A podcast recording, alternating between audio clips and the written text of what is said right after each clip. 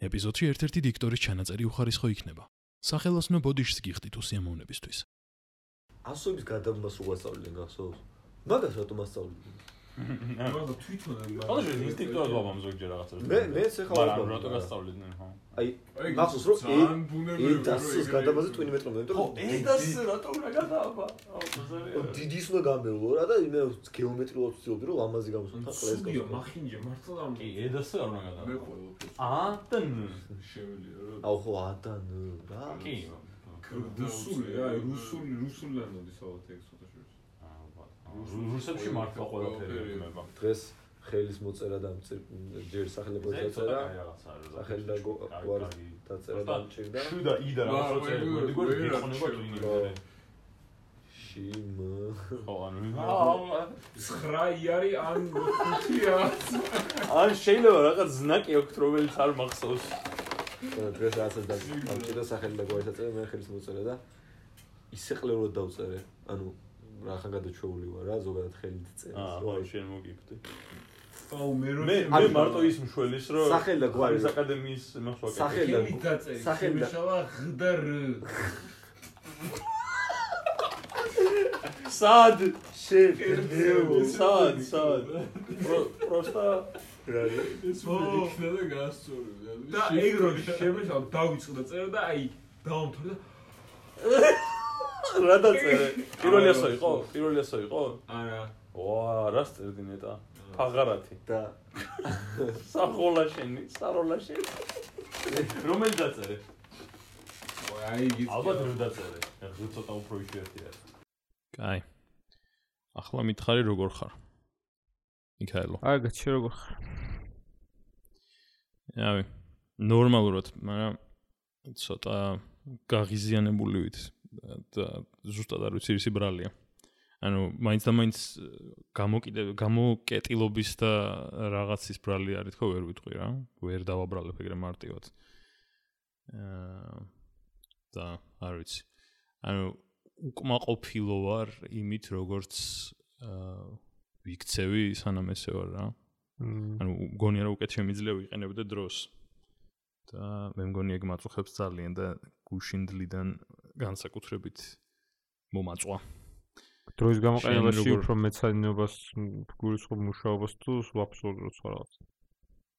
აა მეცადინეობასაც, მაგრამ უფრო მუშაობას, ანუ რაღაცები მაქვს აა, მოსასწრები, ცოტა კრიტიკულ დროში ვარ, მაგრამ მე მგონი ანუ ისეთი უცნაური, ანუ ძალიან უცნაური საერთოდ, მაგრამ რაღაცნაირად იმდენად ყველა აქტიურად არის ახლა Excel-ში და ყველა რაღაცნაირად ატრიალებს ამ ერთი და იგივე ამბავს და თან ყოველ ჯერზე რაღაცა ახალს ისმენ და თან რო კონცენტრირდე შენ საქმეზე რაღაცნაირად არ ვიცი ჭირს რა განწყობა ვერ შევიქმენი.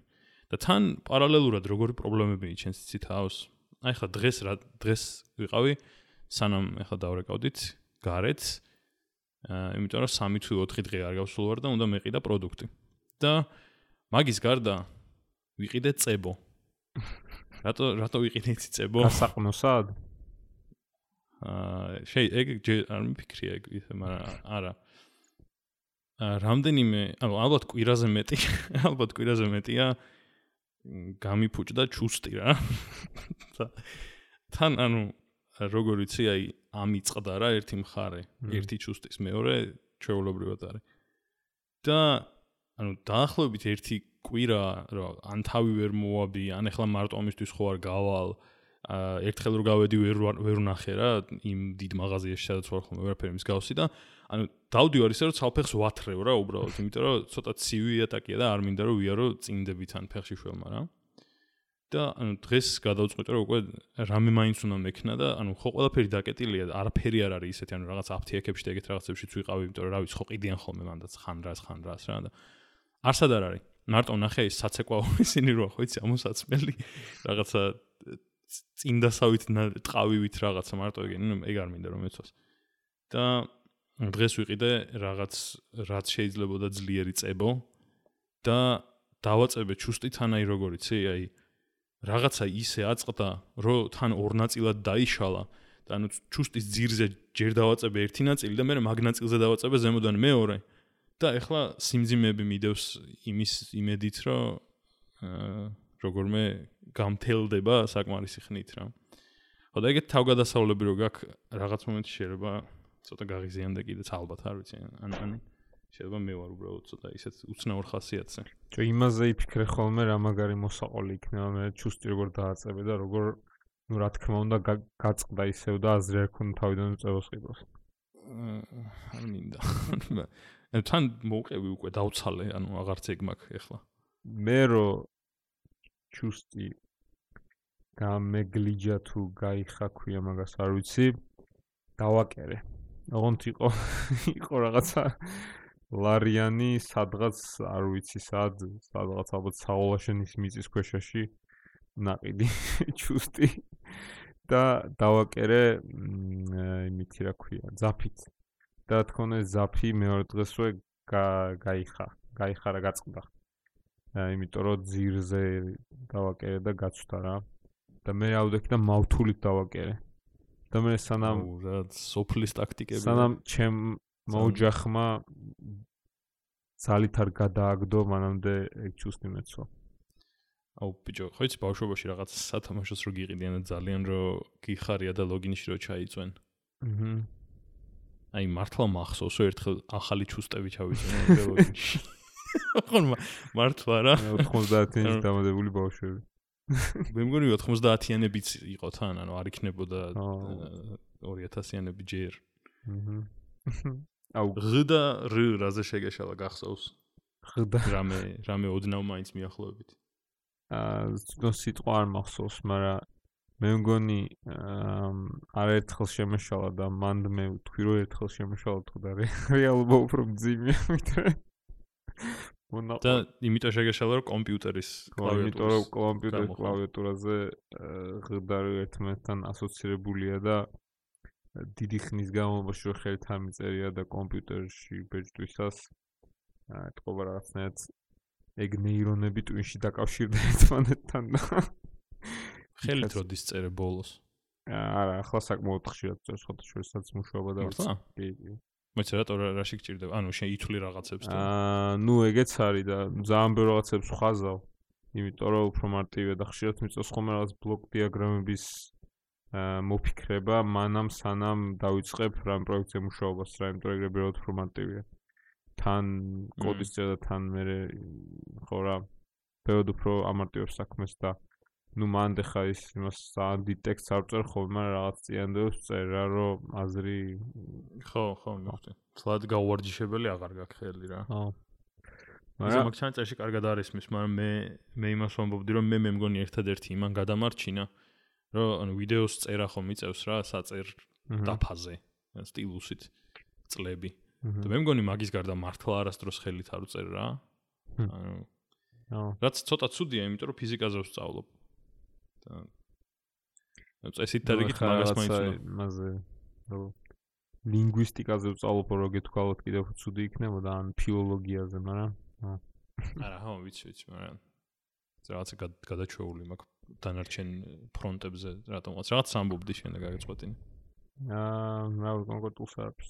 არ უბრალოდ მინდა რომ კიდევ ერთხელ აღვნიშნოთ, რომ ქართულისთვის გადაბმული წერა იდიოტობა დმიმაჩნია აბსოლუტურ და აა, ნუ ზოგენას შეიძლება უხდება მაგალითად მე მგონი იქაც თქვით რომ რუსულს მაგალითად უხდება, მაგრამ ქართულისთვის რუსულს დავცინეთ კიდეც ოღონდ. ხო მაგრამ ქართულისთვის ძალიან ეს არის რა აბსურდი არის რა. არ არის მაგისთვის შექმნილი ეს ამბანი, არა და აა ძალიან ძალიან კაი ამბანია. ძალიან კაი ამბანი, მაგალითად არა, შეგვიძლია ვიღაცებისთვის ანუ ვიღაცისთვის შეიძლება პირიქით მოსახერხებელია რა, აი ვიღაცებს ისე ისე აქვთ მიჩვეული მანერა წერის, რომ ეგ გამოსდით ბუნებრივად და პირიქით კარგი სანახავიც არის, მაგრამ მე მგონი ეგ შენ თვითონ უნდა დაგემართოს ალბათ რა. ალბათ უფრო რატომღაც გონია რომ თავიდან ასწავლეს აი ეგრე უნდა ანუ თავიდან რაღაც მომენტში ძალიან დააძალეს დააძალეს და მე შეეჩვენენ უფრო მაგის ამბავი მგონია ვიდრე ისედაც ბუნებრივია რომ ადამიანს რო ქართულად თქვა დაწერა ასწავლო დაიწყებს თვითონ გადამული წერას ნაკლებ მგონი. არ ვიცი ახლა ცოტა ისეთ არა, მე მე მე მე მგონი ცალ ვერ დაგეთანხმები მაგაში, იმიტომ რომ აი თუნდაც როცა ვიდეოს წერ ხოლმე რა, აა ზოგჯერ გინდა რომ სწრაფად მოიშორო რა და ეგრე დაწერო მithumetes ანუ როცა ვიდეოს წერ არ გინდა რომ გელუდოს ვიღაცა როგორ წერს სიტყვას და სწრაფადაც ჭირს რა. ამიტომ რაღაცნაირად გაკრული ხელით აკეთებ და უნებლიე დებმება რა რაღაცას. კი, მაგრამ მე ვიგინე წერალი ტიპი. ხო, მაგრამ მე რო სხვი ქართულის მე ხელ ან გაკრული ნაწერით წაკითხვა მე უცხოს უცხო ადამიანის დაწერილი წაკითხვა საკმაოდ რთული ხდება რა. ძალიან ხშირად მქონია რომ ეხა ნუ იმ ცნობილ ამბავს რო ექიმები გაურკვევად წერენ მაგას მაგასაც რო თავი დაანებო ისედაც ძალიან მიჭირს ხოლმე წაკითხვა. ну ეგ ისევ ჩემს ჩემს სხვა პრობლემას უკავშირდება მაგრამ კარგად ებმის შენ იმას ხო რა ქვია. არ გინდა თქვა მაგაზე ორი სიტყვა თუ გეზარება. აა თუ გინდა ისტორიას მე დავიწყებ მაგამბის მაგრამ რავი იმიტომ რომ მე მგონი ჩემი და ერთი მეგობრის მით იწება კიდე როგორ ტაქტიკურად როგორ შემოგიდეთ აქეთი კიდან ხო ძირითადად ალბათ მაინც ჩემი ჩვენი ახლო მეგობრის სოფოს იმიდან დაკურებული ყურებით თუ თვალებით იწება ეგ ამბავ ну მოკლედ კითხვის პროცესი მშენებული მქონდა ყოველთვის მე ვკითხულობ საკმაოდ და აა ну როცა ვჩქარავ კითხულობ და როცა ვცდილობ რომ ჩქარა წავიკითხო, მაშინ შეცდომებსაც უშვებ რა. ოღონდ ეს უბრალოდ კონკრეტული ისე აქვს რა ქვია სტრუქტურა ჩემს დაშვებულ შეცდომებს რა, რაღაც კონკრეტულ მომენტებში უშვებ შეცდომებს.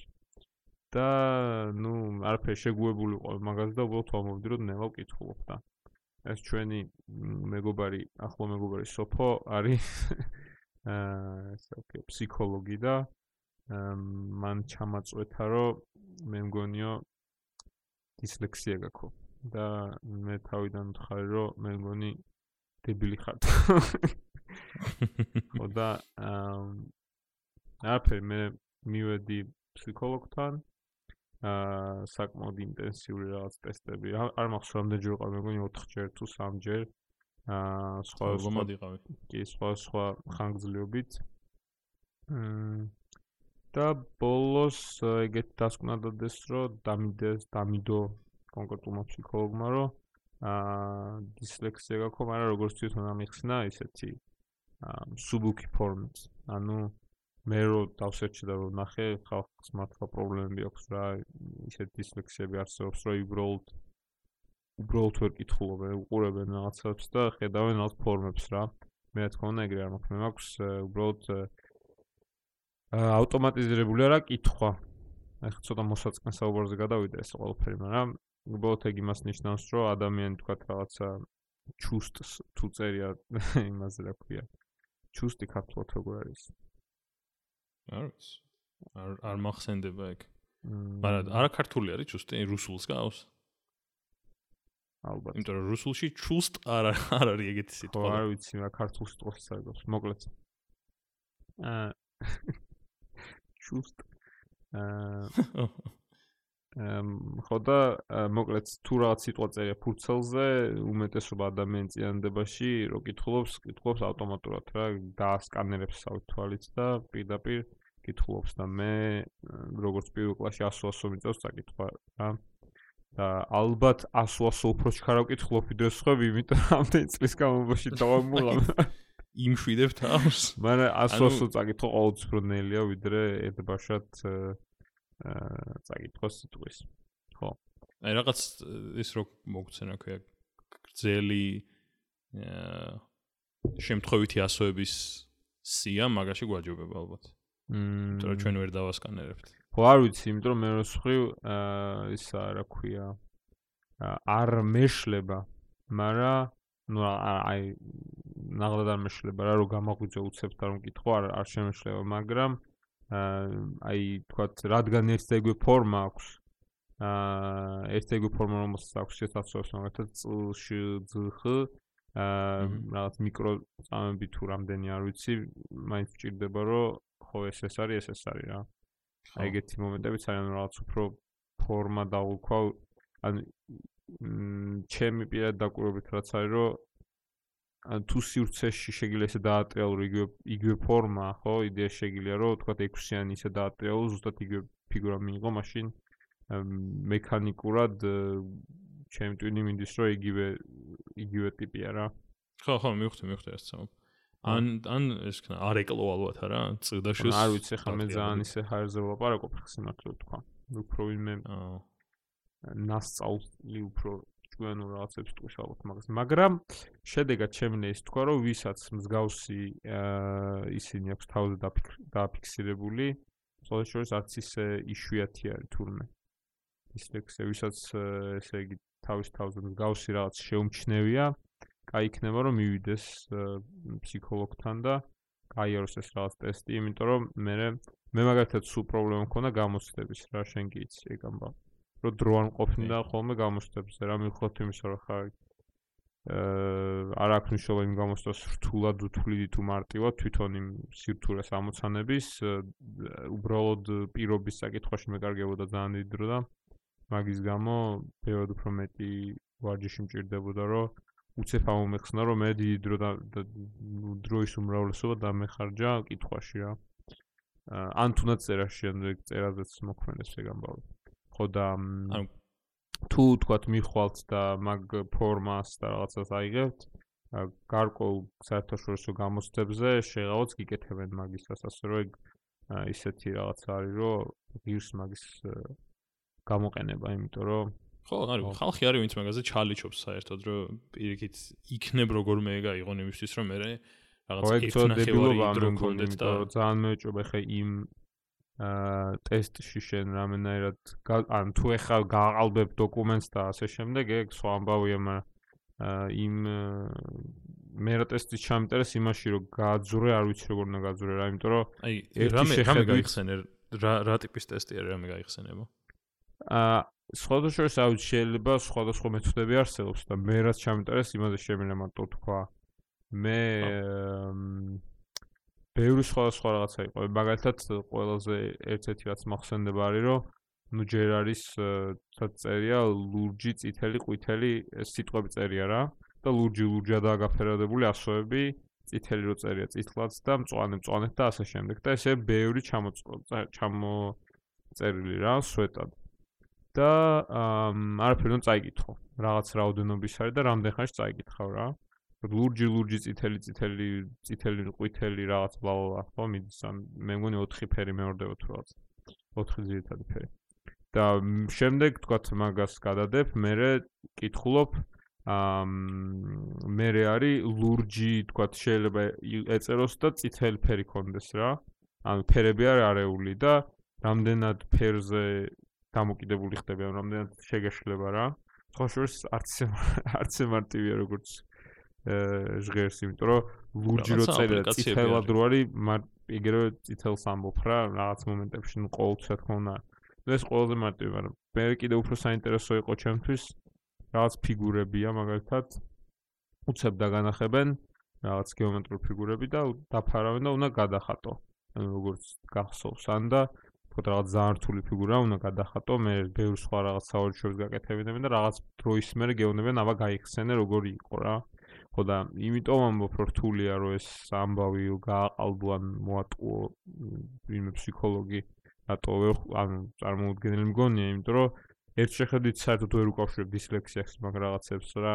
ანუ მე საერთოდ აზრია რომ ეს დისლექსიას როგორ არის დაკავშირებული, რა შედეგი უნდა დამედო იქ რომ თქვათ ეთქვათ რომ არ გაქვს დისლექსია ან პირიქით გაქვს ძალიან ძიმე ფორმის დისლექსია რა იმიტომ რომ ანუ ვერ ხვდები ანუ შეიძლება პირიქით აღმოჩნდეს რომ რაღაცაში კარგად თუ გააკეთე დისლექსია გქონდეს მაგალითად იმიტომ რომ ხო ანუ არ ვიცი რა ანუ ეს პირდაპირ იმას ლოგურ კავშირს ვერ ვადებ ვერ ვერ ხედავ რა ეგ ეგ არის ძალიან საინტერესო საკითხი რომ არის რაღაცა ნუ დაავადება უნდა დაარქვა თუ მდგომარეობა თუ რა. არა აი ალბათ ისეთი რაღაცა როგორც ცაციობა რა ხო აი conditions ქართულად როგორ იყვი ნუ ვითარებას ხო ნუ რაღაც მოკლედ რაღაცა გაქვს განსხვავებულად და შეიძლება არ იცოდე ძალიან დიდხანს რა ანუ აი ხლა რაც თქვი რომ ვიღაცები თუ თვლიან რომ ნელა კითხულობენ შეიძლება ღირდეს რომ შეამოწმონ ხო?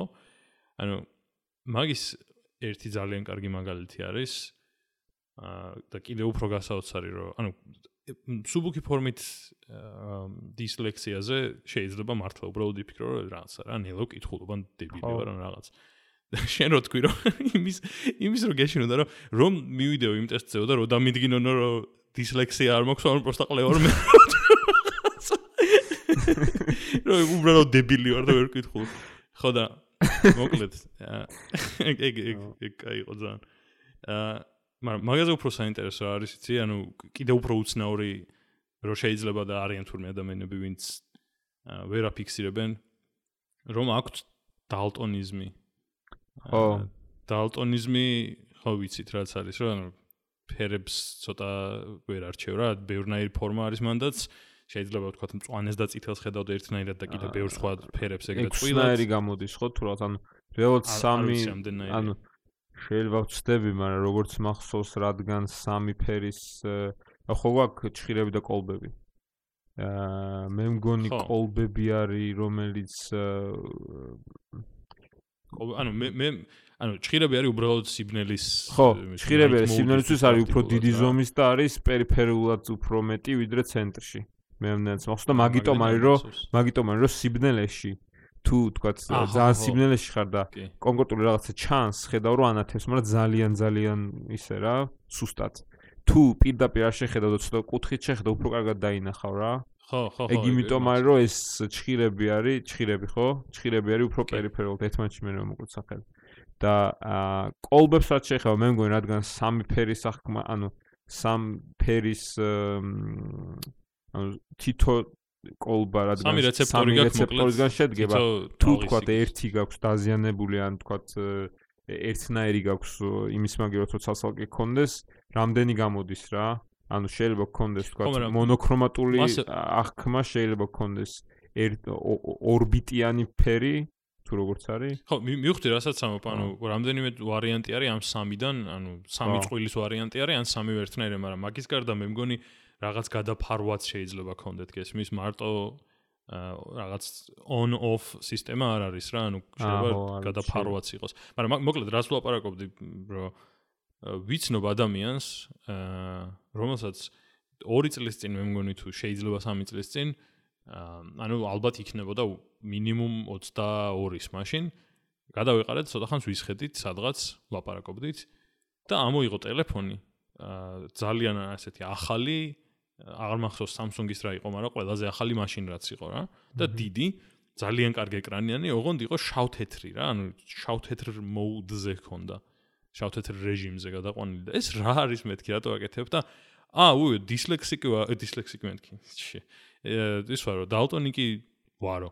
და ვიცნობდი რა წლები მანამდეც. და მეთქი ეგ რატო არ ვიცოდი აქამდე და მე თვითონ გავიგე შარშანო. და თან ანუ შარშან რო გაიგო, როგორ გაიგო, იცი? ვიღაცამ თხოვა რომ მე მგონი შეყვარებულმა თუ ვიღაც რამშომა წითელი რაღაცა მიყიდეო და ამან უყიდა მწوانه. და არა, მე ვკითხე რომ ძალიან რთულად დასაჯერებელია რა. ანუ იმდენ ვიცი რომ რთულად დასაჯერებელი არის, მაგრამ ანუ ვიცნობ ადამიანს და არასდროს არ უხსენებია რა მანამდე, რომ იცი მე დალტონი კი ვარ სხვათა შორის, არ არც კი ყოფილა ეგ საკითხი რა. ანუ ანუ რაღაც წითლის და მწვანეს შორის განსხვავება ეგონა რომ ერთი უფრო ნაცრისფერია და მეორე უფრო ნაკლებად ნაცრისფერია. ხო და ეგ პირველივე ეგ ვკითხე რომ მეთქე შენ ხო მანქანას ატარებ და ხო შუქნიშანი ხო გინახავს და ანუ როგორ ანუ მაგაზე როგორ არ ეგრევე არ გაგიჩნდა კითხვები და რა ვიცი არა ცოტათი ვასხოვებოდა მეთქი ანუ ოდნავ განსხვავებულ ფერებს რატო არ ირჩევდნენ შუქნიშისთვის ანუ მაქსიმალურად რატო არ განასხვავებდნენ ხო მაგის პასუხის არის რომ ოდნავ განსხვავებულზე უფრო განსხვავებული მაგას ცხოვრებაში არ ნახავს ამიტომ არც ის რა რა მოიცა შენ გონია რომ შენ გონია რომ რა დონეზეც ასხვავებს. იმ ორ ფერს მაგაზე უფრო დიდ სხვაობას ვერც დაინახავს ფერებს შორის, ანუ მაგდენად ახლო-ახლო არის ყველაფერი. აბა რა ვიცი ხა. არ მიფიქრე მაგაზე. აბა რა ვიცი, მწვანეს და წითელს თუ ვერ ასხვევს, ესე იგი, ნო, ეგეც. ხო, მაგრამ ეგ ხო კონკრეტული წვილი არის, რომელიც ასე ვთქვათ, გაფუჭებული აქვს მარხაშებას, სხვა წვილი. დაცილებული არის სპექტრი ერთმანეთისგან. ხო, ვიცი, მაგრამ ანუ არ ვიცი, ხო, ხო. მაგრამ თუ თუ თქვა ეგ ნორმად მიაჩნდა, ეგ იმას ნიშნავს, რომ ახლა მეც ხო შეიძლება რომ რაღაცა ფერია რომელს ვერ აღვქო რა, მაგრამ თუ არასდროს არ მინახავს როგორ ჩავთვლი რო ეგ არსებობს. არა, მაგას არ გეუბნები. ანუ მე მე გეუბნები მაგას რა.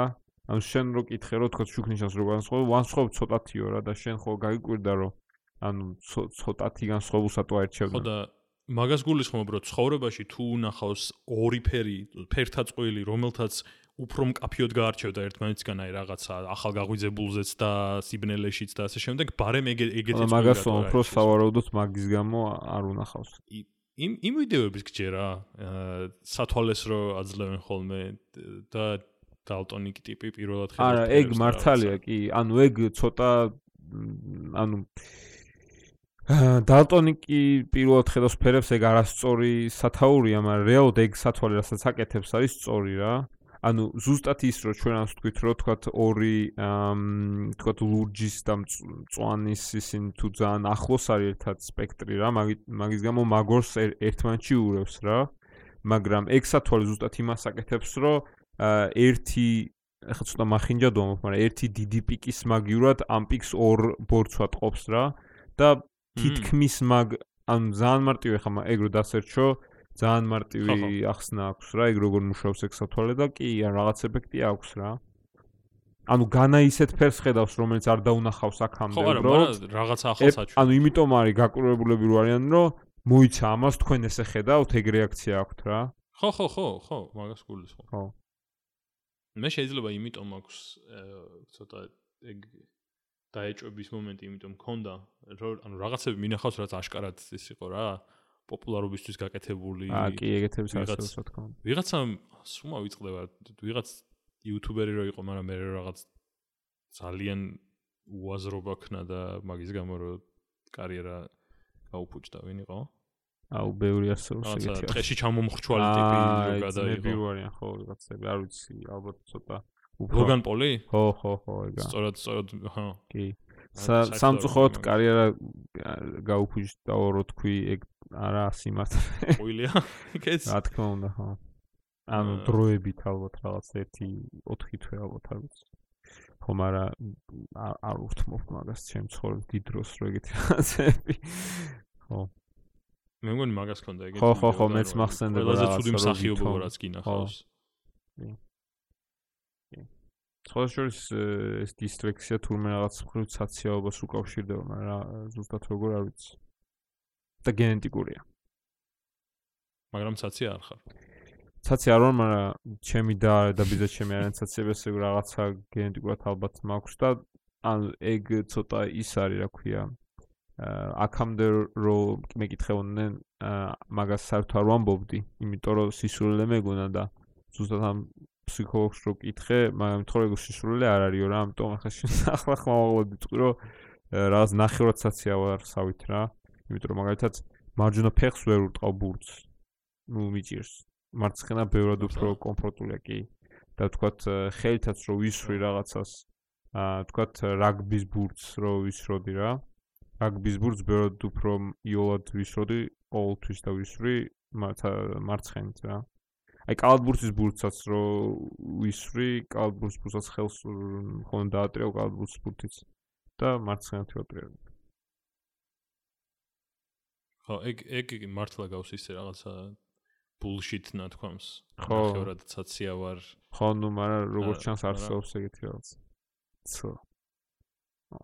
ბევრი ადამიანი მე მგონი დღეს იმიტომ არის სხვათა შორის, აი შეძენილად ნახევრად ცაცია. მე მგონი იდეა და ჩემიც ეგრე არის. რომ დააძალეს ხო. ბავშვობაში ხო უკრავდნენ ხელს. რეალურად ცაცია არის და აძალენ ხო ბიზა ჩემიც ეგრე არის. ანუ არ ვიცი სამდე თაძალებდნენ, მაგრამ ორივე ხელით წერს და მე მგონი ზუსტად მაგიტო რა. სკოლის ამბავი ეგეთი. ბიჭო, ისე მაგარი უცნაური იყო სკოლაში მაგ დროს რები განიხილებოდა, ანუ აუცილებელ სასწავლო რამეთ, ანუ აი დედა ჩემი აბსოლუტურად ვერ წარმომიდგენია ვერანაირ იარაღთან კავშირში და ანუ ავტომატის თუ რაღაცა რაღაცის დაშლა და აწყობა იცოდა ხო? ანუ მე მგონი ყველაზე სწრაფად აკეთებდა თუ რაღაცა კლასში. ანუ რა უცნაური რაღაცა არის. ასე ძალიან ყოველთვის აცდენილი როგორ არის სკოლა რაღაც კარგად იდად იმას რასაც უნდა აკეთებდეს. ანუ ნახე მაშინ კიდე მე ეგეთი დრო იყო პრინციპში და გეთქვა რომ მე განსხვავებული და გაგიშვებდნენ. ხო, ნუ ახლაც არ ხდება ფლაგ. სწორი რაღაცები სკოლაში, მაგრამ ავტომატის დაშლა რო არ ხდება, კაია. ნოჰო. ნო. ნუ ალბათ მაგრამ ეს ბავშვები იმ დროს მაგას ისეთივე დამოკიდებულებით აკეთებდნენ როგორც რაღაც გამოწერენ რაღაცა. ერთი ყველაზე ცუდი რაღაც, აი, ყველაზე ცუდი რაღაცა რო გაიხსენო სკოლაში, რასაც ასწავლიან, არასწორად რა იქნება. აი, რაღაც ნებისმიერი საგნიდან რამე ან თუნდაც ერთი წინადადება ან აზრიან. შენ რასაც ხას უსმო ხოლმე ხშირად ის საკმაოდ მაღლა დგას რა წილადების კი არა და უტოლობის უტოლობაზე მოქმედება რა. თუ ტოლობაზე მიქა ორივეზე იდეაში ერთზე იგივე არის ხო ნუ სულ ერთია რომელზეც გინდა ხო რა. ტოლობაზე მე თქვა უფრო ისი მანტივიკასკები იქნება რომ აა თქვათ x-ს რაღაცა პლუს 2 თუ დრის 4-ს იმის მაგათ რომ გითხრა რომ თქვათ ორივე მხარეს გამოაკელიან მიუმატ ერთს და იგივე რაღაცა და ამიტომ ტოლობა არ უნდა შეიცვალოს და ეგრე აგიხსნან ლოგიკა. მაგის მაგათ გეუნებიან რომ აი თუ რაღაც წევრი თქვათ ტოლობის ერთი მხრიდან მეორე მხარზე გინდა რომ გადაიტანო ნიშანი უნდა შეუცვალო. ანუ გადატანა როგორც ასეთი არაფერი არ არსებობს რა სისულელია ის როგორც პირდაპირ გითხრან რომ რაღაცა ორი რაღაცა ერთმანეთს თუ უდრის მაშინ ერთ და იგივე რაოდენობას თუ გამოვაკლებთ მაინც ერთმანეთს უდრის ხო მაგის შემდეგ. ხო, ხო, ხო. ანუ მაგის მაგაზე უბრალოდ მაგ ერთი წინანდების თქმის მაგივრად რაღაცა სისულელებს გაზეპირებენ რა. ანუ ეგ თან ანუ ხო ეხლა შენ შენ ნუ რადგან გვილაპარაკია მაგიტო პირდაპირ იმას დაასვი რასაც მართლა ხას უსვამ ხოლმე მაგრამ იცი რატო უსვამ მაგას უფრო ხშირად ხაზს ვიდრე ვთქვათ რაღაც დავით აღმაშენებელი გასროლილი ის არის იჭერდა კბილებით და ეგეთ რაღაცებს. ანუ იმიტომ რომ ეგ რაღაცა რა ქემაინც გაარჩევ რა თუ ცოტათი აზროვნებ რა არის დასაჯერებელი და რა არის გაზვედება მაგრამ აი ეგ წინადადება მე მგონია რომ ყველაზე მეტად უზის რაღაცებს ფუნდამენტში რა. ისე რომ აი მაღაზე არასწორად შენდება ძალიან ბევრი რამე. ანუ ეგ ხო ერთი აზრია თითქოს რომ აი რაღაც ხო ხო თქვი x + 2 უდრის 4-ს და ორივე მხარეს რო ანუ თუ ორივე მხარე ერთმანეთის ტოლია ერთნაირად თუ შევცვალე ისე ერთმანეთის ტოლი დარჩება და მაშინ ორს გამოვაკლებ და აქეთ x-ი დამრჩება და გავიგებ რისი ტოლი ყოფილა რა მაგრამ ანუ ეგ ერთხელ რო გაიაზრებ მაგას, რომ ეგ ერთი ერთი რაღაც ერთია ფილოსოფიური აზრი ლამის რა, რომ ორი რამე ერთმანეთს ტოლი, თუ ერთნაირი ცვლილებაც იგივეს იძამს. მე უფრო რთულ რაღაცებზეც შენი შეგილია მოარგო რა და ჯვარედინი გამრავლების წესი და ჯვარედინი გამრავლების ჯოჯოხეთი აი როგორ ვერ ვიტან მაგას, რომ ჯვარედინი გამრავლების წესი რო საერთოდ მოიფიქრა, რომ ეგრე აუხსნათ, წარმოვიდგინე ანუ. ეგრე აი ხო იცი ის რო რა ქვია მიმივით რო იქცა გამოცდები როგორ იცვლება დროის დროის მიხედვით და ჯერ იყო რაღაცა გამოთვალეთ მართკუთხედის, ანუ ბევრი არის, მაგრამ ახლა ცოტას ვიტყვი იქიდან. გამოთვალეთ მართკუთხედის ფართობი და უბრალოდ გვერდები გაქვს მოცემული. მე რამდენიმე წლის მერე გამოთვალეთ მართკუთხედის ფართობი რაღაცა აგვერდის ბეგვერდზე გამრავლებით და მე რაღაც 9-ის 5-ზე გამრავლებით, იმიტომ ეგ არის გვერდები და მე გააფერადეთ მართკუთხედია, ეგ იყო ბოლო რა, რაზეც ანუ საკმაოდ მეცინებოდა რომ ეგეთი გახდა და მე ვიღაცამ დაამატა რაღაც 2025 ეცადეთ დორბლი მართკუთხედში მოახვედა. და ანუ მართლა დიდად კი არ განსხვავდება სიამდვილეში ეგ გადაიტანე და ნიშანი შეეცვლებას თქმა მაგდანარჩენისგან რა. იმდენად იმდენად აა აფუჭებს აზროვნებას ეგ და უფრო სწორედ ხელს არ უწყობს რა აზროვნების გაღვივებას რომ მე ხო გადმოვედი ვეკუაში მეათე კლასში და 3 წელი ვისწავლე ფიზიკა მათემატიკურ სკოლაში და აბა ოლიმპიადები და რაღაც ტურნირები და ასე შემდეგ და პირველ კურსზე რო ვიყავი უნივერსიტეტის სადაც ფიზიკას და მათემატიკას ვსწავლობდი ისე. აა ორი რაღაცა რაღაცა უდრი და რაღაცას აი თქვა რაღაც ა უდრი და b-ს და აა, კაი, ესე იგი სინუს A უდრის სინუს B-სო მაშინ. და მაგაზე დავიბენი, რომ ანუ ეგ მეთქი ტრიგონომეტრიული რამე არის თუ? და მაგრად შემრცხვა. მე რომ აა ვაიმე ხო, რა თქმა უნდა, მაგრამ სანამ მოვასწრებდი გააზრებას ლექტორმა ძალიან ცუდად შემომხედა რა მანამდე. რომ ანუ ჩვენ რა. არა, ხო და ეგ ხო თან აა ეგ მთელი აზრი ამ სკოლის განათლების ხო ის არის რომ ერთ წელს რაღაცა ისწავლი, ისწავლი მე მეორე წელს ახალს აშენებ, აშენებ ზემოდან, ზემოდან, ზემოდან და ყველაფერი ერთმანეთს უკავშირდება რა, მათემატიკაში განსაკუთრებით ის არ არის, რომ რაღაცა კონკრეტული ამ თქვათ არ შეიძლება რომ თქვათ რაღაცა წილადი რა არის არიწოდე და ილაპარაკო რაღაც მატრიცაზე ხო სისულელეა ხო ეგ ერთმანეთზე დაშენებულია რა. და მაგის გამო რადგან ერთ კონკრეტულ პატარა დეტალს მათემატიკაში უბრალოდ იზეპირებ რაღაცა სისულელე რაღაც ჯვარედინი წესის წესით იმის მაგათ რომ გაიაზრო რა არის და ეგეთი რაღაცები რომელიც გროვდება ძალიან ბევრი რა. შენი ერთერი ცოდნა მათემატიკაზე რომ სახვიდე რაღაცა დიფერენციალ განტოლებზე და ლაგრანჟიანზე სისულელია იმიტომ რომ ეგეთ დეგენერატოებზე აგებული და ან ფუნდამენტურად არაფერი გესმის და რეალურად ოდნავ რო შეგიცვალო ამოცანა და რაღაც რეალურის დაგიდო რა ანუ სხვა მეც მაქვს ეგეთ სხვა შორის მაგალითი ოღონდ არა ნაკლებად სკოლის მასალიდან რა ის ჩვენ კი გავიარეთ ბჭყალებში სკოლაში ანუ კი ვისაუბრეთ სკოლაში მახსოვს მაგაზე მაგრამ მგონი აა უმრავლესობა სკოლებში მაგაზე საერთოდ ლაპარაკობენ ხოლმე ტრანზისტორ ტრანზისტორზე რა. ანუ ახლა სკოლაში ძალიან დეტალებში ახლა სქემები არ გაგვირჩევია ტრანზისტორის მაგრამ რაღაც შეხება გქონდა და მე უნივერსიტეტში მოკლედ სკოლაშიც რო აგვიხსნეს გითხეს რომ ტრანზისტორი არის მოწყობილობა რომელიც აძლიერებსო იმასო რა სიგნალსო რა ზაბოს აძლიერებსო რა. ну ზაბოს და დენს დენს გაძლიერებაზე ხარ შევა ზაბოს და დენს გაძლიერების შორის განსხვავებაზე მაგრამ მოკლედ სიმარტივისთვის აძლიერებს თქო რაღაც სიგნალს რა რაღაცა ნიშნულობა შემოგდის და აძლიერებს რა. მაგის მუღამისა რომ თქო აუდიო სიგნალი თუ გაქვს ან სუსტი თქო პატარა მიკროფონი თუ იწერ და თუ გინდა რომ თქო დიდ დინამიკში ან რაღაც სპიკერში კარგად გაისმოს, უნდა გააძლიერო ხო იქ სიგნალი რა, იგივე ფორმის ძლიერი სიგნალი უნდა მიიღო. და ნუ მე თავიდან ახლა ბევრი რო არაფერი ვიცოდი, გამიკვირდა რა, რომ იმიტომ რომ ვიცოდი რომ ენერგიის მუდმივობის კანონი არსებობს და რას ნიშნავს გაძლიერება რა, ანუ ის დამატებითი ენერგია საიდან მოდის მეთქი რა. და აი 1000 რაღაცას ფიქრობდი რა, რომ ალბათ რაღაცა თქვათ პატარა სიგნალი უნდა ქონდეს, მაგრამ დენი უნდა ძალიან გაზრდილი ქონდეს, ან დიდი დენი უნდა მიაწოდო, რომ შედეგად ენერგია იგივე ქონდეს და თქვათ დენი დავარდება და ძაბო ამოიმატებს ამ პირიქით რაღაც მოგ სიმძლავრე შენარჩუნდება და რაღაცებს ან რაღაცებს ვიჭრდი twins რა. და ბოლოს უბრალოდ აი უბრალოდ წავიკითხე იმის მაგერად რომ რაღაც 50 მასწავლ 50 სანამ რა ძალიან ბევრი მასწავლებლს ან ლექტორს მანამდე უბრალოდ ეგეთ წინდებაში აეხსნა არა, უბრალოდ მიერთებული გაქვს ყვება და იმ ყვების ზაბუას ფორმას აძლევს იმ პატარა სიგნალისას რა, ანუ დიდ ზაბუას აძლევს აა პატარა სიგნალის ფორმას რა. ну, ეხლა ძალიან ისე ვთქვი, გლეხურად როგორც ამბობ, ხომ რეალურად სხვა სხვა ის არ არ შევარ დეტალებში, ხო შეიძლება ვიღაც ესე თქვა, რომ არ არღობს ეს ტრანზისტორი ენერგიის მუდმივობის კანონს და მარტივად უბრალოდ არის სარქველი და რაღაც შენი პატარა სიგნალით მართავ თქვათ იმ იმას რა სარქველს რა რა დონეზე გაატარებ თუ არ გაატარებ ამ უფრო მაღალ ძაბუას ხო? არა, არა არა მიხსნას ეგრე და მაგის გამო რაღაცა ორი წელი დავკარგე. ანუ ეგ ეგ როგორც წესი არის ხოლმე აა ორი რაღაცის ორიდან ერთ-ერთის მაინც პრობლემა შეიძლება ორივეს და ალბათ უფრო ხშირად ორივესი. ერთი არის რომ საკუთ ანუ თვითონაც კარგად არ ესმის რა და უბრალოდ აქამდე რა წინადადებითაც უთქვამს უმუშავია მაინც და დატოვა ეგრე იგივე არის აი ეხლა რაც განტოლებაზე ვთქვით ხო? ანუ პრინციპში ხო მუშაობს იმიტომ რომ ანუ კი რო გადაიტან შეეცვლება ეს ნიშანი და აჰა კაი რადგან მუშაობს მთელი ცხოვრება ასე პრობლემა არ არის და ასე ვიცხოვრებ და არ ჩაუღრმავდები რა ანუ ერთი ვარიანტია რომ უბრალოდ კარგად გააზრებული თვითონ არა აქვს რა.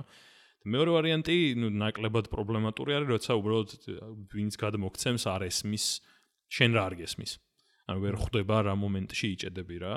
და ნუ ეგ ეგ უკვე მასწავლებლობის უნარის და ლექტორობის უნარის კი არა და დომის ჩემთვის ეგეთი რაღაცების თქმა რომ ვიღაც რო გეკითხება მაგალითად რა აი პროცენტი კიდე ვაიმე პროცენტი ხო ყველაზე პრიმიტიული რაღაცა არის რა საერთოდ რა ანუ არც არის არაფერი რა.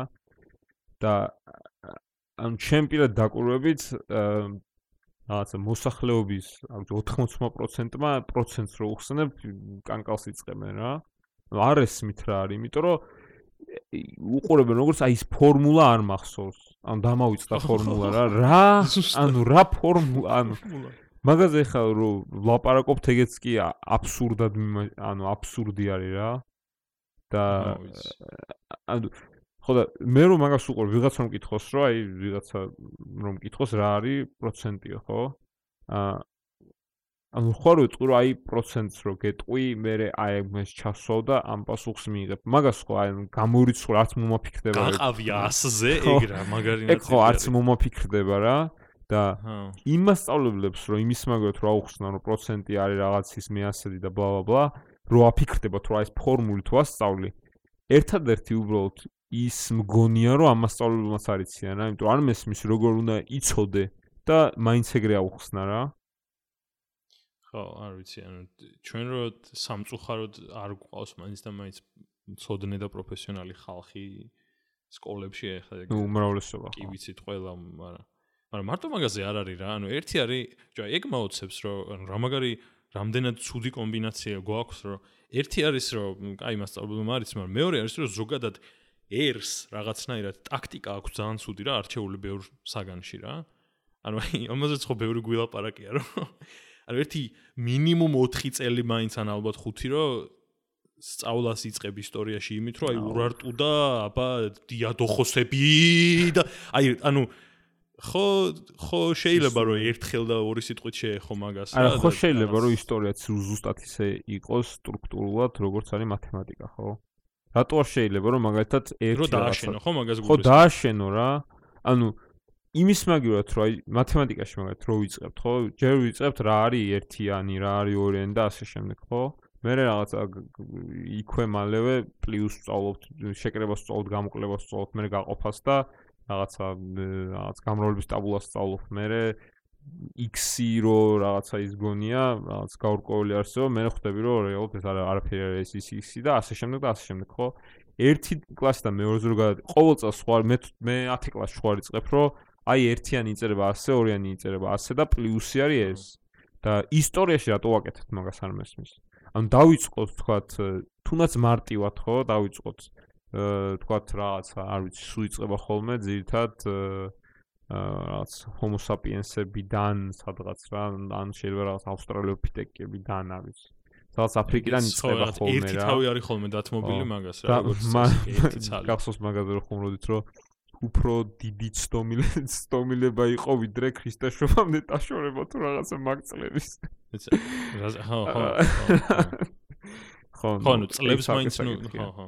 ეგ საკითხია, მაგრამ აა რატო არ შეიძლება რომ მაგალითად თქვათ ну кай თუ გინდა დამწყებით დაწყებით კლასებში მეხუთე კლასამდე ითხოვოთ თუ რაღაც ეგ არ ვიცი მან სხვანაირად იყოს მაგრამ აი თქვათ მეხუთე მეექვსე კლასის მერე რატო არ შეიძლება რომ თქვათ დაიწყო რაღაცა პერიოდიდან თქვათ რაღაც ეგვიპტიდან ან შუამდინარეთიდან და მერე ნელა ამოყვა მეექვსე კლასში თქვათ ახვიდე რაღაცამდე არ ვიცი რომის იმპერიამდე ხო მე რომის იმპერიიდან თქვა შემდეგზე მან ერთი საშიშროება ის არის რომ შეიძლება მე-9-ში რო იქნები მე-6-ში ნასწავლი აღარ გახსოვდეს და ну რაღაცნაირად უნდა მოიფიქრო ალბათ სისტემა ისე რომ ყოველთვის ცოტა გაიმეორო წინა, მაგრამ ახალი ხომ არა ხა ანუ მესმის რომ ხა მათემატიკა კარგად არ შეესაბამება იმიტომ რომ იქ კიდე იმ ისტორიულ ფაქტებზე ლაპარაკი და არა რაღაცა პრინციპებზე მარტივ, მაგრამ ну მათემატიკას რეგულარულად იყენებ წინა პრინციპებს, რასაც სწავლობ რა და მაგიტო სულ გამეორებაში ხარ და ისტორიაში ერთად რომ ხომ არა რეალურად სკოლიდანო გამოდიხარ მე რაც ხო არ იმეორებ რა რაღაცა გამახსოვდება რაც ყველაზე კარგად ისწავლიდა. ეხა არაფერს არ ვსწავლობ კარგად რა. და კარგად თუ ვისწავლით იმ იმას რა ქვია შუამდინარეს ერთი წლის განმავლობაში თუ ვისწავლეთ თქვათ ქრისტეს შობამდე პერიოდს ხო არა.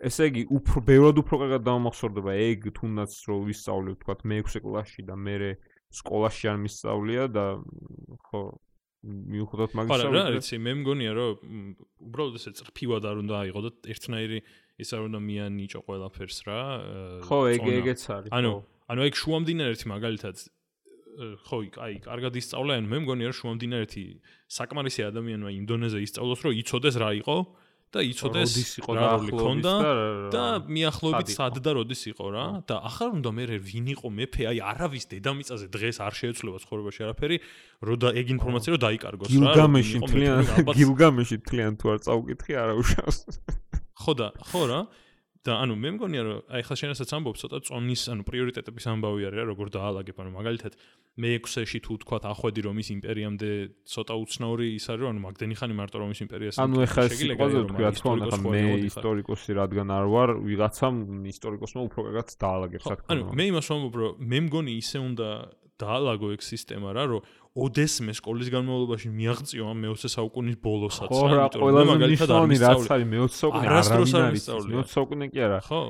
საერთოდ არის ის ეს ბოლშევიკური რევოლუციის ამბები და ზოგადად მეფის რუსეთის ამბებიც არავინ ყველაზე ყველაზე მნიშვნელოვანი ერეკლე მეფეც კი არავინ არის რაც ის არის. ჩვენ ხელამ რა ნუ არც რა მარცენა ერეკლე მეფე მეფედან უკვე აღარაფერი არ არის რა ფაქტობრივად თამარ მეფის მერე მონღოლების მერე მონღოლებმა როგორც გაქრეს ქართული სახელმწიფო ეგრე გაქრა ჩვენი სონდა მონღოლეთის შემდეგ ხო. ხო და ნუ ეგ ერთი საკითხია ისტორიაში. მეორე საკითხია ისტორიაში ისტორიის მაგივრად რო რეალურად აა იმას აქვს თეოლოგიას ასწავლიან რა. ეგ არ ვიცი რამდენად კიდევ არის აქტიურად არის კი. ანუ რა ვიცი მეც თეოლოგია მგონია რომ რაღაც დავით აღმაშენებელზე ლაპარაკობ და იმის მაგათ რო ლაპარაკობ ვიღაცა ძალიან ჭკვიან ტაქტიკოსზე და აა აა მივხვდი სულ სხვა რაღაცა ლაპარაკობ მუხმოდრეკილ ლოცველზე და გააძლიერა ქრისტიანულ სახელმწიფოზე. იმის მაგათ რომ ილაპარაკო მართლა ძალიან საინტერესოა და მართლა ძალიან ამაზე შეგვიძლია მე კიდე ცალკე ვილაპარაკოთ. ხო ალბათ ალბათ აჯობებს იმიტომ რომ ეგ ცალკე ერთი დიდი ხო. პორცია რაღაცის რაზეც ლაპარაკი შეიძლება ხო და აი სხვა ფორმატითაც ხო და აი რაღაც სხვა საგნებს კიდე რაც შეეხება ხო უცხოენაზე არაფერს თქმა არ შემიძლია არ ვიცი რა. ანუ მე პრაქტიკულად მე მე შემიძლია ვთქვა მაგალითად რომ ტელევიზორს ბავშვობაში ექსპერ- და რა არა არა ექსპერიმენტ შეიძლება ექსპერიმენტულ ეპოქაში აღმოჩნდით იმიტომ რომ ბევრი რაღაც იცვლებოდა როცა ჩვენ სკოლაში ვიყავით რა ანუ ინტერნეტი შემოვიდა სანამ სკოლაში ვიყავით რაზე ელაპარაკი და კომპიუტერები გაგვიჩნდა და ტელეფონები ყველას უცებ რა და ანუ მიმები დაიბადა ჩვენ რო ვამთავრებდით სკოლას მე მგონი ანუ 2001 წლიდან დავიწყეთ როცა 11 სექტემბრის ტერაქტის მეტი არაფერი იყო მე მგონი სოფლიოში ცნობილი ესე ერთიანად ყველასთვის ერთდროულად და ხო რაღაც დავამთავრეთ ტროლფეისებით მაგრამ აა რაზე ვამბობდით ამოვიწყდა უცხოენაზე ალბათ უცხოენის სკოლაში სწავლებაზე. რამე drinking game-იან რაღაცა უნდა გავაკეთოთ. ეხლა კი ჯერჯერობით კარგად მივდივარ და ხშირად არ დამიწყებია მაგრამ ხო ხო ხო უცხოენაზე. აა ხო და შეიძლება ექსპერიმენტულ პერიოდში კი აღმოჩნდი მაგრამ აა 10 წელი ვსწავლობდი რუსულს რა სკოლაში. ცოტა უცნაური არ არის ეგ შენი აზრით. 10 წელი გავატარეთ იმაში რომ რუსული ენა გვესწავლა. და ანუ ჯერ ეგ ჯერ ეგ ცოტა მეუცნაურება რა თავის მხრივ. მაგრამ მაგას რო თავი დაანებო, ნუ კაი ვთქვა, შეიძლება საჭიროა. აა დავაკვირდი, რომ მე-9 კლასში ისეთი რაღაცები გქონდა რუსულში, რომ მ, ის იყო რა, რთულიც და სასიამოვნოც რა, ანუ მ. კარგი ლიტერატურული რაღაცები იყო ამოღებული, ანუ საკმაოდ ესეთი კა- გემრიელი ულუფები რა. ხო. და გადიოდი საინტერესო მასალას და მართლა რთულს რა. და მე მეათეში ისევ დაუბრუნდა რაღაც მერვე მეშვიდე მეექვსე კლასის დონეს რა. რაღაც я хочу стать географом და მორჩა რა. ხო, ანუ მართლა ეგ ხო გახსოვს შენს. ხო არ არის რა ენებში ალბათ ერთი ეგ შეგიძლია თქვა, რომ ანუ ხო მე მართლა ეგ განცდა მაქვს ზოგადად სკოლის სკოლის აი კიდე მათემატიკაში და ფიზიკაში რა მე და შენ არა გვაქვს კარგად აღქმა რა სიტუაცია არის აა პრივანდულ სკოლებში ერთი იმიტომ რომ სამას მე რაც მას შემდეგ რაც ჩვენ სკოლა დავამთავრეთ კაი დრო გავიდა და ახლა შეიძლება რამე შეცვალოს არ ვიცი და მეორე ისიც რომ ვეკუაში რადგან ვსწავლობდით აბსოლუტურად სხვა წიგნებით რადგან გავდიოდით არ ვიცი რა თქვათ ხო როგორ იყო თქვათ ეს ან ხო, ამოცანები ანუ მაგისტრის იყო ხო. სკოლა, მაგას ექცეოდა ყურადღება ბოლო-ბოლო და მაგრამ სულ ეგ მეჩვენება თითქმის ყველა საგანზე რომ აი ეს გადაბმული არ არის რა სხვა სხვა თქვათ მე-7 კლასი მე-6-ზე ესე მე-6 კლასი მე-7-ზე მე-7 მე-8-ზე და ასე რა. შემთხვევითია. ხო ძალიან შემთხვევითი არის, აი ნებისმიერი ანუ მართლა რა, გახსოვს ერთი პერიოდი ისტორია გეოგრაფიას ერთ წიგნად გა. ნუ ეხლა ეგ ჩვენი პრობლემაა პრინციპში, იმიტომ რომ ერთი ერთი წელი მოხდა ეგრე რა, რომ რაღაც ხო, ერთ ნუ. წიგნად გავდიოდით თუ რაღაცა. მაგრამ ისე სხვათა შორის ანუ არ ვიცი რამდენად ყველა საგანს აქვს ეგ პრობლემა, მაგალითად ბიოლოგია მომეჩვენა რომ ეს იყო რა, უფრო შედარებით შეკოწიწებული იყო რა, რომ აი ერთი წელი მაგალითად რაღაცა ადამიანის ორგანიზმს სხვადასხვა ორგანოებს და რაღაცებს სწავლობდი, მე რაღაც უჯრედებში ჩახვიდოდი. ხო უბრალოდ დეტალებში მთლად არ ჩავდიოდი და ეგ ცუდი იყო ნუ ყოველ შემთხვევაში შეიძლება ეგ უფრო მასწავლებელზე ალბათ დამოკიდებული როგორ მასწავლებელი გასწავლეს მაგრამ ხო თორე აი. ქართულს რაც შეეხება ამ აი არ ვიცი რა, თავ ერთი პერიოდი ვიძახდი და აი სკოლის ბოლო წლების განმავლობაში ძალიან აქტიურად ვიძახდი მაგას, რომ ლექსების დაზეპირება რა საჭიროა თქო რა. და შემდეგ ეჭვი გამიშდა, რომ მართლა ხო არ გეხმარება ამ მეხსიერების მექანიკა. ეგ არ რამდენად ქართული ენის საქმეა ეგ არ ვიცი, ანუ ქართულ ენაში რამდენად უნდა ავარჯიშებდე შენ მეხსიერებას არ ვიცი, მაგრამ შეიძლება მართლა გეხმარება მეხსიერების გაწვრთნაში. ბიჭო, ისე ახლა რო წარმომიდგენია, აი წარმომიდგენია რომ აი ალბათ თქვაც რაღაცა, ნუ პოსტ საბჭოეთში სავარაუდოდ იგივენაირად ხდება რა. რაღაც ლექსებს გაბარებენ რომ ისწავლო, მაგრამ დასავლეთში ხდება ეგრე? თუ ის აა აა რა არის, არ ვიცი ზუსტად. მაგრამ დათომ აა მან ჩვენმა დათომ smart lab-ის დათომ. აა ხო ესე იგი მაგის შვილი ხო ჯერ გერმანიაში სწავლობდა და შემდეგ საქართველოში გაგრძელა. და ზუსტად ეგ მითხრა რომ იქო არ არ ამ არასწავლდნენ ლექსებს რა დავალებად არაძლებდნენ ლექსების სწავლს რა. ხო, ეგეთი წარმოდგენა მაქვს მეც რაღაცნაირად. არ ვიცი ხა ყველგან ეგრე თუ რაღაც, იმიტომ რომ მე მგონი ის თავიდან იქ ბახში იყო. და ნუ ლექსებს მოკლედ ყოველ შემთხვევაში არასწავლდნენ რა. და აქ რო გადმოვიყვანე ძალიან თავიდან რო აძლევდნენ ამ ლექსებს, ძალიან უჭირდაო რა დამახსოვრებაო ძალიან. და შემდეგო ნენელაო დამუღამაო და დაიწყო რა ამ ლექსების სწავლა რა და მე შევამჩნიეო რომ აი მეხსიერების და რაღაცების დამახსოვრების იმაში ძალიან ამოქაჩაო რა მაგ მომენტის შემდეგ რა. მაგან დამაეჭო რომ შეიძლება რაღაც ეფექტი მართლა აქვს არ ვიცი. მაშინ მე მგონია რომ რა არის იცი მაინც აი ზოგადად ერთ-ერთი რაც ყველაზე მეტად მაღიზიანებს ხოლმე ესე ცხოვრებაში ნებისმიერ მომენტში რა გინდ პატარა ერთ მომენტში როცა რაღაც ინტერაქცია შევამჩნევ და გინდ ისეთ ზოგად რამეში როგორც არის აი სკოლის სისტემა. არის როცა ვამჩნევ რომ რაღაც შეიძლება აი აი უმარტივესად აი ნულიდან ახარჯით და ნული პრობლემით გაუმჯობესდეს ანუ უკეთესი იყოს რა. და არ კეთდება, იმიტომ რომ ანუ არავის არ უნდა რომ ცოტათი და ძალისხმევა ჩადოს. აი მაგალითად ეხლა კარგი ვთქვათ, ვთქვათ გადაწყდა რომ კონსენსუსამდე მივედით ყველანი რომ ლექსების სწავლა საჭირო არის, მაგრამ ანუ აი მომკალი და მაგალითად არ მინდა რომ ვისწავლო ერთი კონკრეტული ლექსი რომელიც შეიძლება უბრალოდ ძალას რადგან მატანენ რომ რა თქვი ვერ გადაგებელო გოგიბაშვილის აი ნებისმიერი რა. ანუ ხო შეიძლება რომ უბრალოდ არ ქსიამოვნებდეს ის მომენტი არ ქსიამოვნებდეს ის მომენტი რომ აი რა არ მინდა ეს ლექსი რა? არ არის ჩემთვის რელევანტური. ვიღაცა რო წერს რაღაცა ლექს ძველი პოეტი რომელიც აი რაღაც სისხლის ჩქეფას იწევს ნამდვილ ქართველში და ცრემლებს მეშოვა მე თუ არ მე 6 კლასელი შეიძლება ეგ გააზრება არ მქონდეს თქვათ რა ანუ რა ვიცი. ხო და აი ხო შეიძლება მაგალითად შექმნა ისეთი სისტემა რომ კაი აი დავალება არის ეს ლექსი ოღონდ ეს არის აი ესე თქვათ default ვერსია არ ვიცი ქართულად default როგორ უნდა ვთქვა მაგრამ ნუ ჩათვალე რომ საბაზისოდ აი ეს ლექსი გაქვს დავალებად, მაგრამ თუ იპოვი თქვათ იგივე ზომის რამე სხვას რაც შენ მოგეწონება, სიტყვაზე ვამბობ. რაღაცას რაც შეიძლება შენ ჩათვალო, რომ ნუ ასევე ლექსია, ასევე დასაზეპირებელი არის, ასევე მეხსიერების გავარჯიშებაა. ანუ რატო არ შეიძლება რომ ეგ გააკეთო რა მაგალითად და შექმენი ეგეთი სისტემა. ანუ კი რა თქმა უნდა ეხა იქ არის რაღაცები რაც თქვა აი ვებხის ტყავსნის რაღაცა უნდა გაერო იმიტომ რომ ვებხის ტყავსანი იწოდე ეგ ცალკე მიდგომაა რომელიც გვაქვს ხო? გასაგები ეგ.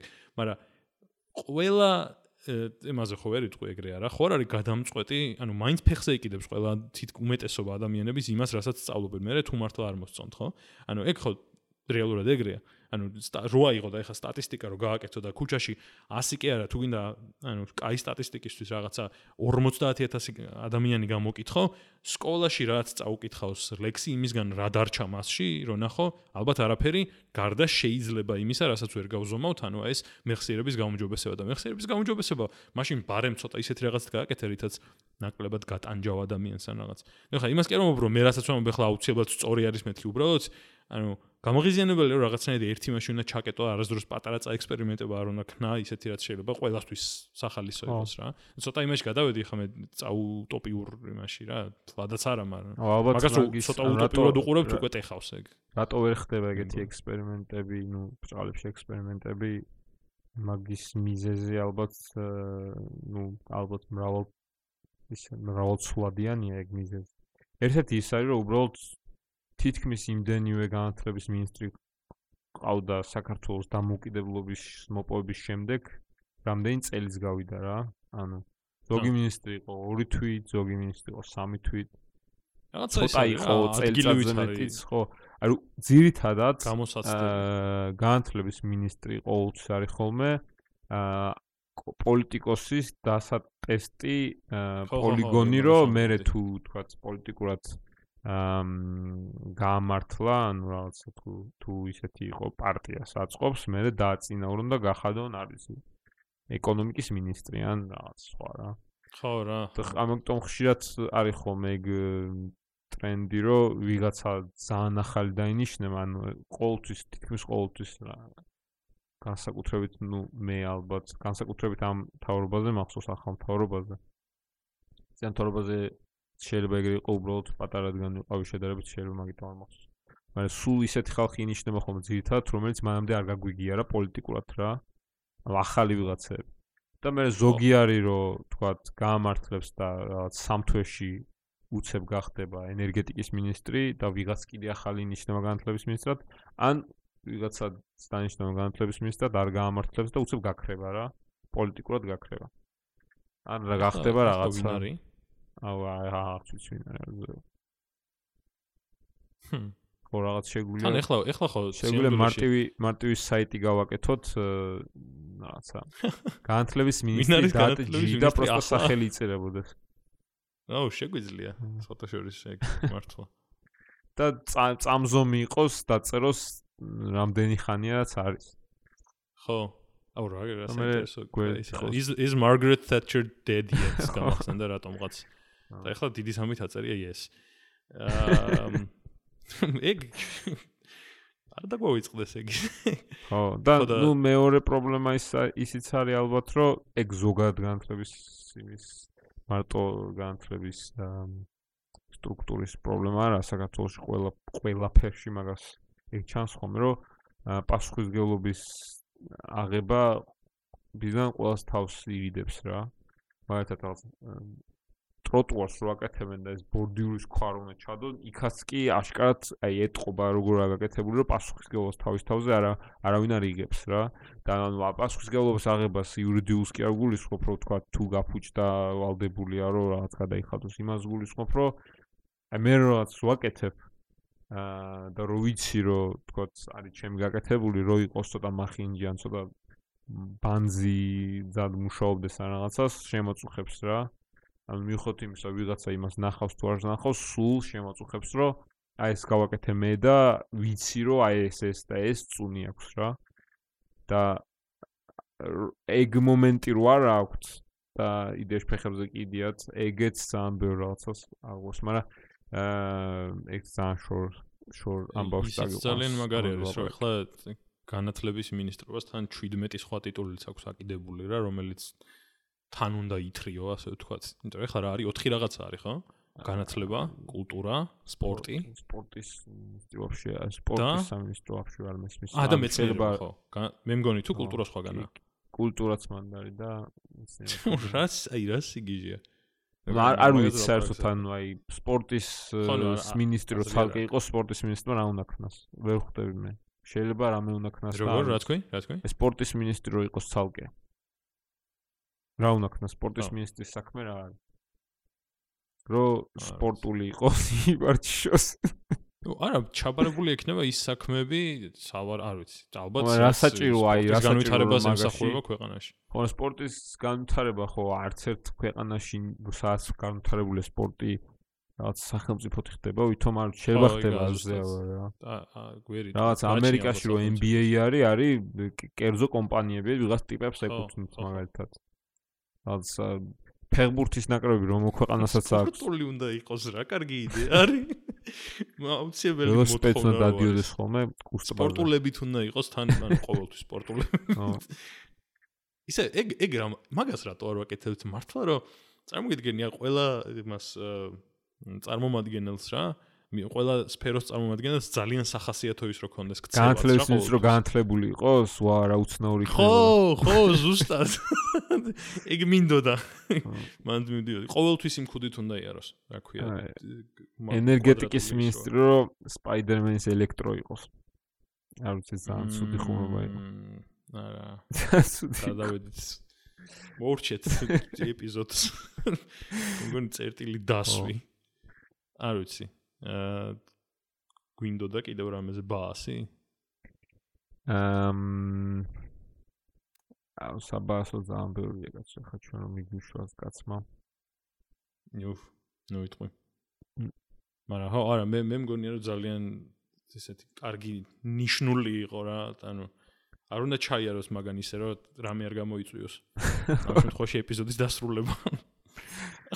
ვაფშე პოდკასტის დასრულება ხარ გამოიწვია აა არა, ჯერჯერობით მე მგონი რომ მივცეთ კიდევ შანსი. ეგ მაყურებელს გააჩნია ალბათ რა რა- რას რას გვეტყვი სმენელს მაყურებელს დღეს ისე უცებ მა- მაშინ სანამ მოურჩებით.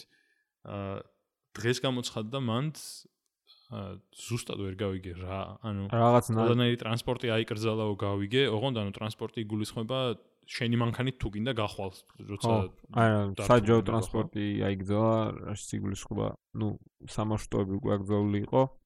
დარჩა ავტობუსი აიგზალა და მეტრო აიგზალა.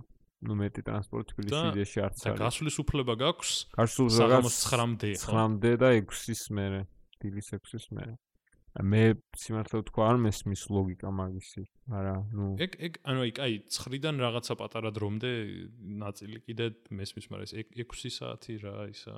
ხამე გამოდიან და ვიცი ხო, არ არ ცოტა უცნაურია, მაგრამ კაი, არ ვიცი, რა რა შედეგს გამოიღებს, ნახოთ, უკვე უკვე დაიწყო ძალიან კრიტიკა და ამბები ისე რომ ხო არა მე ლოგიკა არ მესმის უბრალოდ გამაგებინოს და დამშვიდები იმიტომ რომ ჯერჯერობით ჩემით რო ვფიქრობ აბსურდი აბსურდს უფრო გავს და რა რა გეგმები გაქვს ახლა სანამ მომავალ ეპიზოდს ჩავწერთ. 9-მდე რო გავიდე და დამიჭირო 9-მდე კი არა 9-ის მერე აა არა მართლა ისე. აა რა როგორ აპირებ დროის მუშაობ. გატარებას?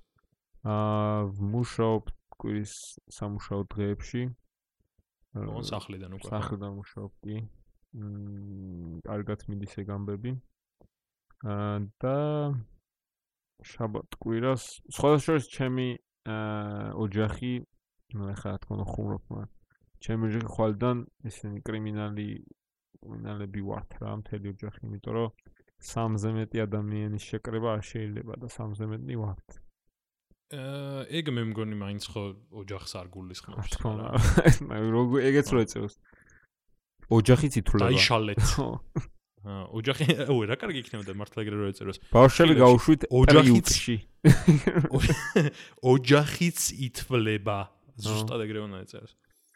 ბავშვთა აა, სახლში გაუშვით ბავშვები სხვათა შორის აა ზოგადად კი არ ვემხრობ იმას რომ გავაკეთოთ ხოლმე კომენტარი ყოველ ჯერზე აა, ეპიზოდის ბოლოს რას გავუშვებთ, მაგრამ ამ ერთხელაც მგონია ღირს. იმიტომ რომ ეხლა სანამ ამ ამ ეპიზოდს ჩავწერდით, ამ ორ ეპიზოდს შორის ვიყავით ჩვენს დობილ პოდკასტში სტუმრად, ვატო და ტატოსთან და ისე აღარ გამოვიდა რომ რაღაც რელევანტური ჩანაწერი იმათი ეპიზოდის ბოლოს გასულიყო და ამიტომ იმათთვის რაც მქონდა მომზადებული, მივაკეროთ ამ ეპიზოდს. იმიტომ რომ ტატოც არის მაგ ჩანაწერში და პატარა საყვარელი ნაგლეჯია. და რა ვიცი, მე მგონი მაგით მოურჩეთ. და იმედია ცოტა რეგულარულ, ну, პრინციპში ჯერდიდა და არც გავსაჯეროებულ ვართ, მაგრამ ხო, ალბათ ვცადოთ, რომ ერთი კვირაში ერთის როგორმე დავასვათ. ჩვენ ჩვენთვის არ გავასაჯეროთ და ჩვენთვის იყოს ეს პოდკასტი მე მოვუსმინოთ ხო აა გამოჩნდება. ახლა კი მომავალ შეხვედრამდე ალბათ. აბა კარგად მე მახსოვს ეგეთი და ბაძი ისა სვანები სახლის სახურავზე ფეხბურთს თამაშობენ და ბურთი გადაუვარდება და ეს ტილი გადაყვება რა. ესე ჩავლეკო და ურტყავენ. მე გიჟებზე ვიცი. და არს რა. და ვიღაცა მეზობელი მე და რატო ურტყავთ თავს და აა მოკლე გზა იცოდა და არ გითხრა. ой მე. კიდე იყოს გიჟები აპირებენ გაქცევას საგიჟეთიდან. გიჟებს ძალიან კაი ისინი იყო ხოლმე. კი რაღაც და კი მაგალითად ერთი იყო რო გადახენიცინეთ მე მგონი გიჟებზე რო ერთი რო გადახტება სახურავს და უნდა გადმოხდიო და მეშინია და რა ეტყვის რომ იმის ფანარს გაგინათებ და ამ სინათლეზე გაიარე. არა, იმიტომ რომ შენ გამორთავ. მმ ბიჭო გიჟებზე ერთი იყო, გიჟებზე ერთი ეგ იყო. ის ის ანეკდოტია, ეგ არის ჯოკერის ანეკდოტი. და ბეტმენს გაეცინა მაგაზე. და კინგ ჯოკი ეგრე მთავრდება.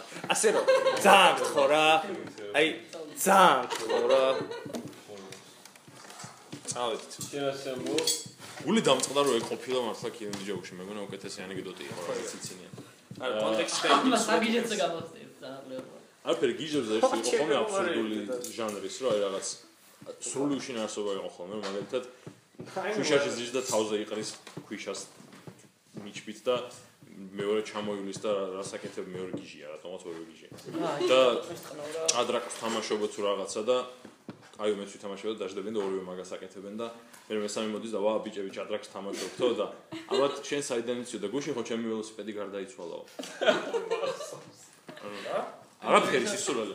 მაგრამ გიჟებზე მე რაზეც ვიცინე იყო რომ არა ძალიან სასწრაფო არა პროსტა იდეა მომწონს რა. აპირებენ რომ გაიქცენ საგიჟეთიდან და დაგეგმავენ რომ მომდევნო დღეს ეც როგორ არის? მომდევნო დღეს აი იმ კედელთან მოვიდნენ და გადაახდნენ. ამ კედელს, რომელიც არის მაგათი. და იმ ღამეს მოხდება მიწისძვრა თუ რაღაცა და კედელი დაინგრევა და ჩაეშლება ეგ გეგმა და ვერ გაიქცევენ, იმიტომ რომ კედელი აღარ არის. მე ვიცოდი რომ რაღაც აღარ მახსოვდა. wording არ მახსოვდა ამის რა ქვია, joke. მახსოვს რომ ამ როგორ იყო რაღაცა ჰიტლერი ყავსო ის აა, ნაპოლეონი მაგას ხსენეთ უბრალოდ ეხა. აა, ჰო, ჰო. აა, მე დამცხარი ვარ. ჰო, ჰო, ეკაი. გახსენე, გაიხსენე რა. არა ისა ეს გიჟებს რო რა. ნორმალ მაკდონალდი იცი? ე კლოქზე რო არის. I didn't Mara throw away the ეს clock ის ხები გაჩუმდი რა, ყლე ანეკდოტია, რა, არ ვიცი because his wife was knife raped by someone called Robert Clark. რა მე იმის უ სუფლა ეს აღწო. სუპერს კარა. აა, ისეთი. არა, ეგეთ ასე. Blind statistic. ეგეთ ასე შინაარსი უფრო ზოგადად აი ქართული შინაარსი აუ, მოხდა ძალიან კაი ნდობა. ისინი არ გიყო დედ ჯოუქებზე ხო ხალისო, ოღონდ სიტუაციის მონტის გამოვხდა. Man, I didn't recognize it. I have a gun behind my შევდივარ რა, ვითარებაში, მაგათაც ვითარებაში და ერთად. მან იყო სხვათა შორის იცი რა ქვია. ქონა გადასადგილი. გამოგიგზავნა. ი- იცი რა ქვია იმასო, რა ქვია, მაინც როგორ არის? მონას რომელსაც მუშაობა არ უნდა რა ქვია. მონებს რომელსაც მუშაობა არ უნდა. ნიგეზუ დერეთი. რა? Niggas with attitude. მაგრამ აი აი ძილები ძიჯი რომ რა შავკანიანი ის რო არის. აა, არა, არა, შავკანიანი ის რო არის. პატრიარქის ყავდა ხო იცი მოიცა, მოიცა, მოიცა. შავკანიანი სტიკაროსანი. ია შავკანიანი სტიკაროსანი ვარ. რა გიორგი ქვია, რატომ? და უჭროს ბერი ვიღაცა ყობას დუალი ხელში რა. სიუჟეტიდან არის კადრი. ყობა. სიუჟეტიდან არის კადრი სამ ზულით ხელში დგას წითელ აღღნის. მაში და რა ქვია, გიორგი აწერა კომენტ მარტო სტიკაროსანი და ასე მიაწერა კომენტარი მონახტიზა.